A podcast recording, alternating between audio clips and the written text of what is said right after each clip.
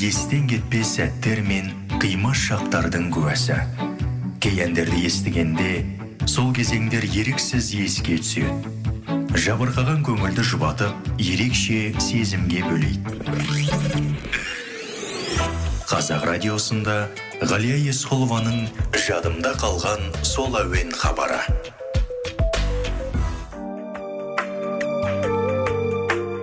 Қазақстанның еңбек сіңірген қайраткері құрмет орденінің иегері композитор кеңес дүйсекеевтің әндері әрқайсыңыздың жүрегіңізде. Еңбектеген баладан еңкейген қарияға дейін композитордың әндерін жатқа біледі десек артық айтпаған болар едік. Бүгінгі хабарымыз ақын шөмішбай сариевтің өлеңіне жазылған. Кеңес дүйсекеевтің қарағым жайында болмақ. Микрофон алдында ғалия есқұлова армысыздар. Кеңес дүйсекеев әйгілі жыр елі атанған сыр елінде көп балалы отбасында дүниеге келген. Кішкентайынан өнерге құштар болып өскен кейіпкеріміз мектепте оқып жүрген кезден бастап музыка жазады. Өнерге деген алғашқы қадамы чайковский атындағы музыкалық училищеден басталады. Мен енді мектепте оқып жүргенде сегізінші класстан бастап па домбыра үйірмесіне қатыстым. Слухпен ғой оның бәрі нота жоқ.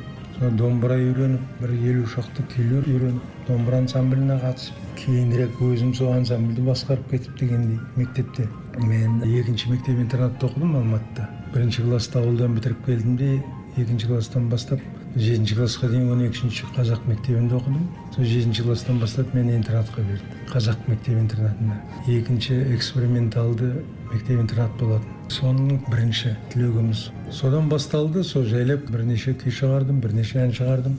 Сосын мектеп бітірерде ол кезде біз он бірінші класс бітіргенбіз. алпыс төртінші жылы көктемде ағам мені академия наука ертіп барды ахмет жұбанов. Бабамызға домбырамды құшақтап барып күйлерімді ойнап бердім әндерімді тыңдап айтып бердім. Сосын мені шығарып жіберіп ол кісі айтыпты баланың таланты бар екен композитор болады екен. Қай класста оқиды мектеп бітірейін деп жатыр десе онда консерваторияға түссін екі жылдық дайындық курсы бар нота білмейді екен сол бес жыл консерваторияда екі жыл дайындық курсымен жеті жылда бітіріп шығады. Сөйтіп композитор болады деген депті. Бірақ егер де менің ақылымды тыңдасаңыздар музыкалық училищеден бастаңыздар депті. Мектепті мен өте үздік оқыдым. Қай институт болса да бір экзамен тапсырып түсіп кететін жағдай болды да бірақ оның бәрін ысырып қойып музыкалық училищенің дайындық курсына түстім. Сол ахмет жұбанов бабамыздың ақылымен сөйтіп бес жыл училищеда училищені үздік бітірдім мен. Москваның консерваториясына направление берді маған мәдениет министрлігінен. Оған енді материалдық жағдаймен бара алмай қалдым. Жалғыз үлкен ағам істеп жүрді. Біраз адамды асырап жүрген сол кісі болды жұмыс істеп сосын направление жыртып тастап алматының консерваториясына түстім сол училищеден бастап маған композиторлықтан сабақ берген анатолий владимирович бычков деген қазақстанның халық артисі сол кісі болды. Ол кісі брусиловскийдің шәкірті. Сөйтіп консерваторияны бітірдім. Және сол училищеға түсердің алдында ахмет жұбанов ағамыздан кейін домбырамды құшақтап нұрғиса тілендиев ағамыздың үйіне бардым. Күйлерімді көрсетіп неғылып едім о балам сен талантты екенсің сен композиторлыққа оқы деп екінші батасын берген сол кісі болды. Сөйтіп енді сол алпыс төртте түсіп жетпіс төртте консерваторияны бітіріп шықтым ғой. Жиырма сегіз жасымда. Мен кейбір кезде айтатын сөзім бар мен енді жеті жасымнан оқыған қазақ емеспін. Арасында кішкене білімім жетпейді дегендей қылып жаңағы. Ол енді әзіл сөз шығар бірақ шынына келгенде адам баласы өмір бойы оқу керек өмір бойы үйрену керек деген түсінігім бар менің кеңес дүйсекеев жаңашыл композитор. Бір туындысы бір туындысына ұқсамайтын ерекше өнер иесі. Ағамыздың шығармалары кәсіби музыканың ең жоғарғы биігі деп айта аламыз. Оның себебін бала кезден халық туындыларын тыңдап бойына әбден сіңіріп шығармашылығында дұрыс пайдалана білуінің арқасында деп түсіндірді композитор.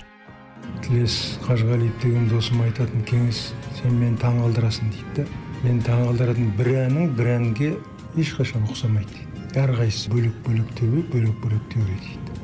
Сөйтіп айтатын. Мен оны әдейілеп ойланған жоқпын. Өз құдайдың берген құдіреті сол өзімен өзі солай болып жатыр құдайға шүкір бұл жетпісінші сексенінші жылдары шыққан әндердің бәрін қазір жастар қайтадан айтып жатыр оның тағы бір себебі бар. Мен бір осыдан бір он бес шақты жыл бұрын ау деймін. Қызылордаға бір інімнің қызын күйеуге беруге тойға барғанда құдағалардың үйінде отырмыз. Сол арасында үзіліске шыққанда бір жігіт келіп сізбен сөйлесуге бола ма? деді. Жас жігіт иә деді. Сосын айтады маған сіз өзіңіз не істеп жүргеніңізді өзіңіз түсінбейсіз дейді. Білмейсіз дейді. Мен айттым ой жаным ай не болды саған? деп едім. Оның себебі дейді сіз отыз қырық жылға алға кетіп қалған адамсыз өзіңіздің творчествоңызбен дейді. Мына баяғыда жазған әндеріңіз бір бір айтылды да қалды. Жақында соның бәрі жастардың айтуымен қайтадан шығады. Сол кезде түсінілмей қалған дүние қазіргі заманға сай келіп тұр дегендей әңгіме айтқан. Мен таңғалдым жаңағы. Балам ау сен кім болып істейсің? Қайдасың? Ауылдамын шопырмын дейді өнерді түсінетін адам бәрі менің түсінуім бойынша ауылда жатыр. Ауылдың деген тереңдігіне жететін дүние жоқ деп ойлаймын мен кішкентай кезімде ауылға жырау келгенде әкем тізесіне отырғызып алып тыңдатады екен мені. Ұйықтатпайды екен және тыңда тыңда балам тыңда деп түнімен отырып жаңағы қисаларды тыңдаймыз соның мақамдарының бәрі ескі мақамдар. Соның бәрі құлағыма құйып қалған ладовый жаңағы ерекшеліктері бәрі.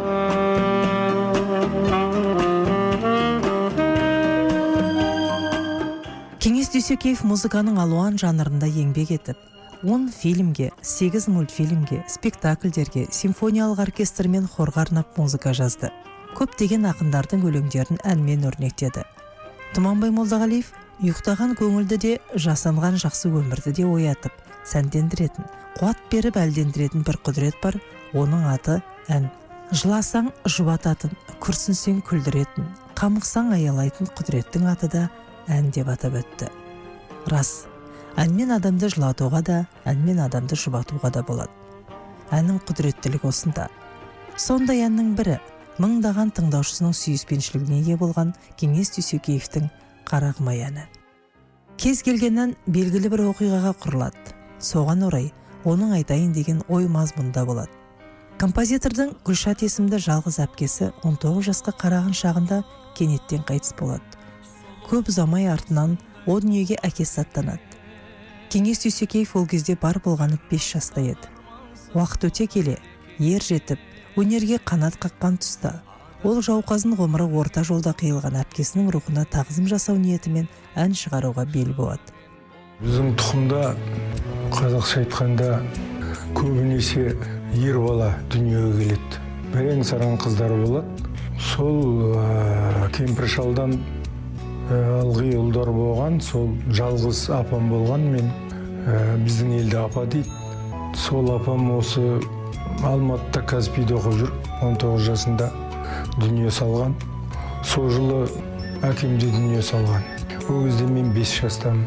Сол кейін енді ойланып толғанып жүргенмін сол өзіме өзім тапсырма беріп сенің қолыңнан не келеді? Музыка жазудан басқа не келеді? деген ой келеді маған. Сондықтан ең болмаса музыкадан ә, сол апаңа ескерткіш әкеңе ескерткіш жаза аласың ба? Жазбайсың ба деген тапсырма алып соның бәрі жаңағы есіме түсіп осы қарағымай деген ән сол себептен шыққан. Сонда ойым егерде әкем тірі болса жалғыз қызы тірі болса соны күйеуге беріп жатқанда ұзатып жатқанда қандай ән айтар еді? Әкенің ойы. Және бір екіншіден сол қыздың тағдыры деген әңгімеден сондай ойлардан шыққан дүние. Әннің сөзін ақын шөмішбай сариев жазады. Ақын өлеңді туғанға деген махаббатты тұғыр етіп тұрғызады. Қарағымай әні мен үшін ол махаббат әні. Адам баласының ең бір ғажайып серігі адам баласының бір өмір сүруі өмірге ынтықтығы ә, болашаққа ынтықтығы бәрі махаббат сезімінен туады. Сол махаббат сезіміне арналған осы бір жиынтық ә, махаббаттың бір жиынтық образындай жиынтық бейнесіндей маған елестейді қарағымай. Сол енді қарағымай әнін мен шынында да басында өлеңін жазған кезде ә, мен осындай бір үлкен дәрежеге жетеді. Ә, халықтың сүйіктісі әні болады деп деп ойлаған жоқпын. Бірақ осы бір ішкі сезімдері ішкі иірімдері сол халық жүрегін баурап алды деп ойлаймын. Бір күні ә, ол кезде енді көз тірі кезі ақселеу сейдімбеков ағамыз телефон соғып шөке мен қарағымай әнін тыңдап кеңес дүйсекеев деген композиторды досыңызды кереметтей қастерлеп сүйіп кеттім деді ғұмырлы болуы мәңгі өмір сүруі ол мәтінге байланысты дейді. Шынында да мәтінге байланысты. Мысалға кереметтей бір ән шығаруы мүмкін. Оған бір нашар сөз жазылса е, ол қанаты қайырылып ұшпай қалады. Жалпы ән деген қос қанатты аққу сияқты қос қанатты қыран сияқты. Сол екі қанаты бар. Сол екі қанатының біреуі музыкада біреуі ән өлең мәтіні. Сол екеуінің қанатының салмағы ұшар қанатының кеңдігі құлашы бәрі бір бірімен үндеспесе онда ән ұшпай қалады самғамайды сондықтан қашанда әннің қос қанаты бірдей болу керек әннің алғашқы орындаушысы нұрлан өнербаев. Ән әншінің репертуарына қалай енді? Нұрлан өнербаев өзінің кешін республика сарайында алматыда өткіземін деп өзекті бір жаңағы діңгегі бар бір ән таба алмай жүрмін. Кешімді өткізу үшін дегендей қылып соны бір үш төрт ән көрсеттім. Соның ішінде қарағым айға бірден жабысты деуге болады. Сол нұрлан бірінші орындаушысы.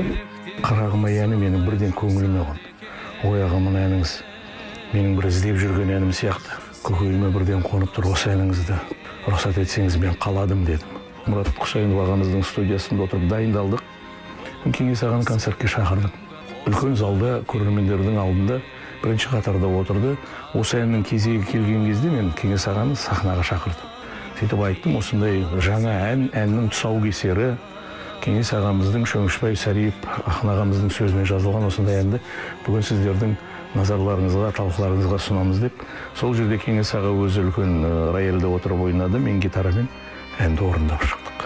Ән шынын айту керек көрерменнің қабылдауында да содан кейін өзімнің ә, сол концерттегі бір айтқым келген кез келген өзі концерттік бағдарламада бір өзекті ән болады өзекті ән болады.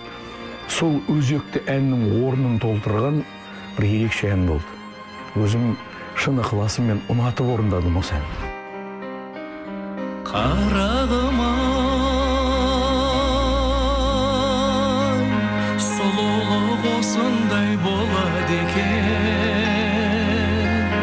Бір басқа армансыз қонады екен. Адамдар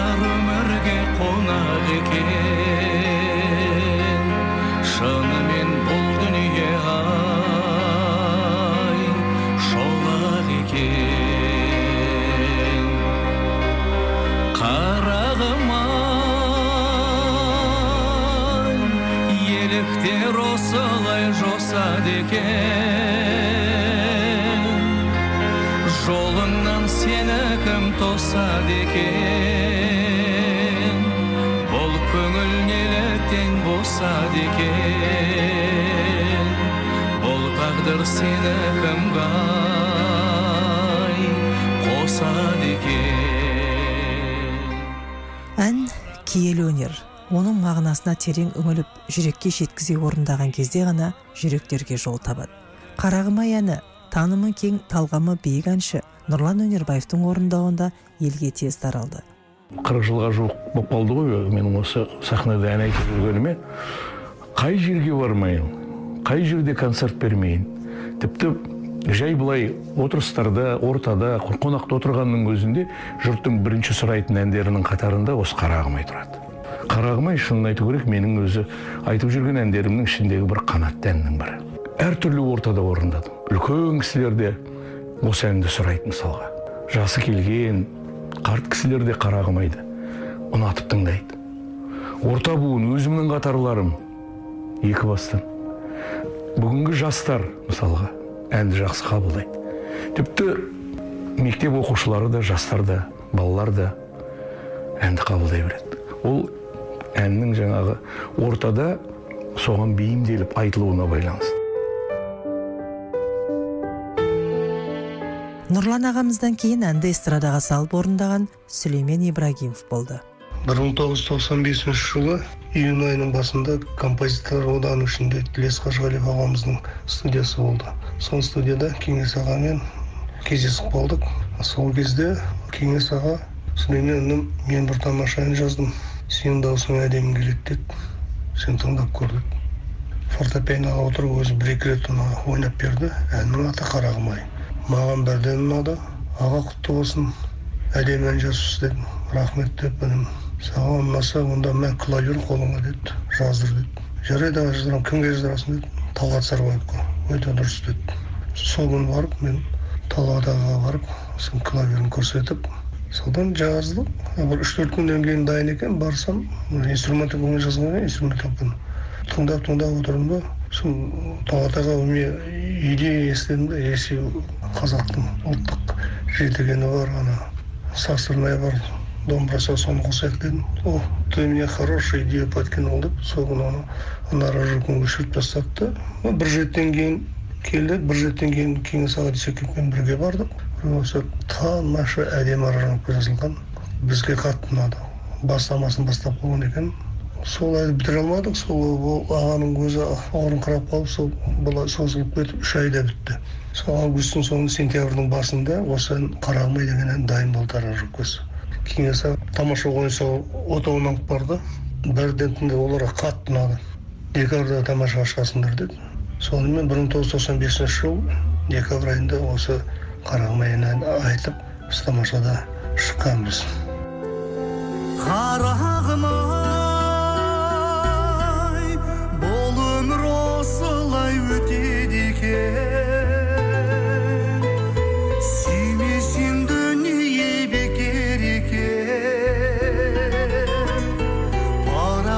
Rimasa ang bargo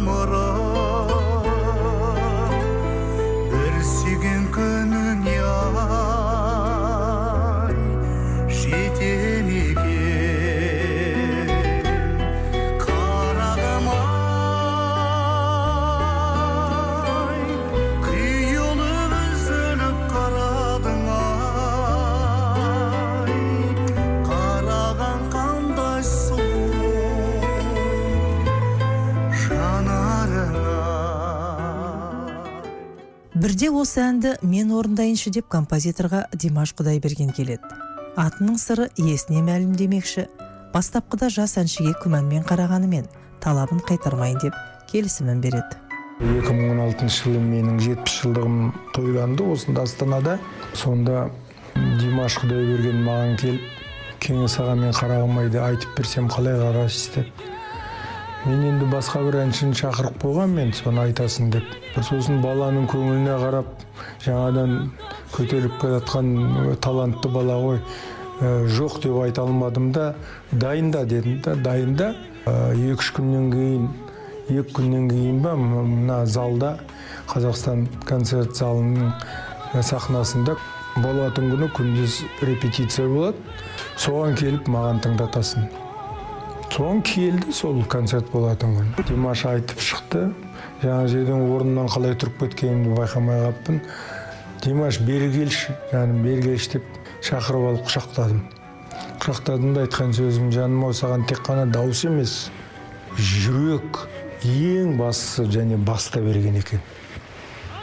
Мен ойламадым. Жап жас жиырмаға келмеген бала. Бұл әннің сондай философиялық тереңдігін түсінетін шығар деп ашына келгенде сол тура менің өзім армандап жүрген ойымды шығарып берді димаш. Қарағым ай сұлулық осындай болады екен. Басқа армансыз қонады екен. Адамдар өмірге қонақ екен. Шынымен бұл дүние шолақ екен.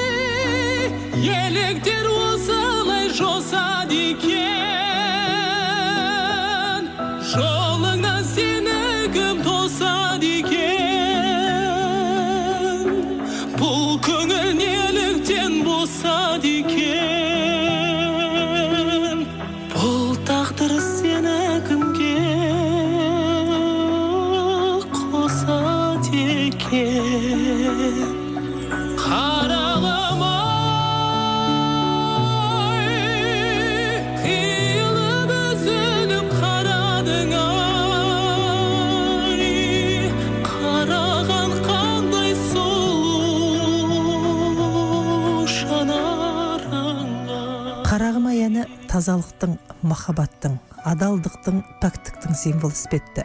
Сондықтан болар әрбір жүрекке жол тауып тіпті ел аузында халық әні аталып кеткені. Сіздердің тыңдағандарыңыз жадымда қалған сол әуен хабары авторы әрі жүргізушісі ғалия есқұлова әуенмен әрлеген қайсар тұрмағанбет амандықпен кездескенше.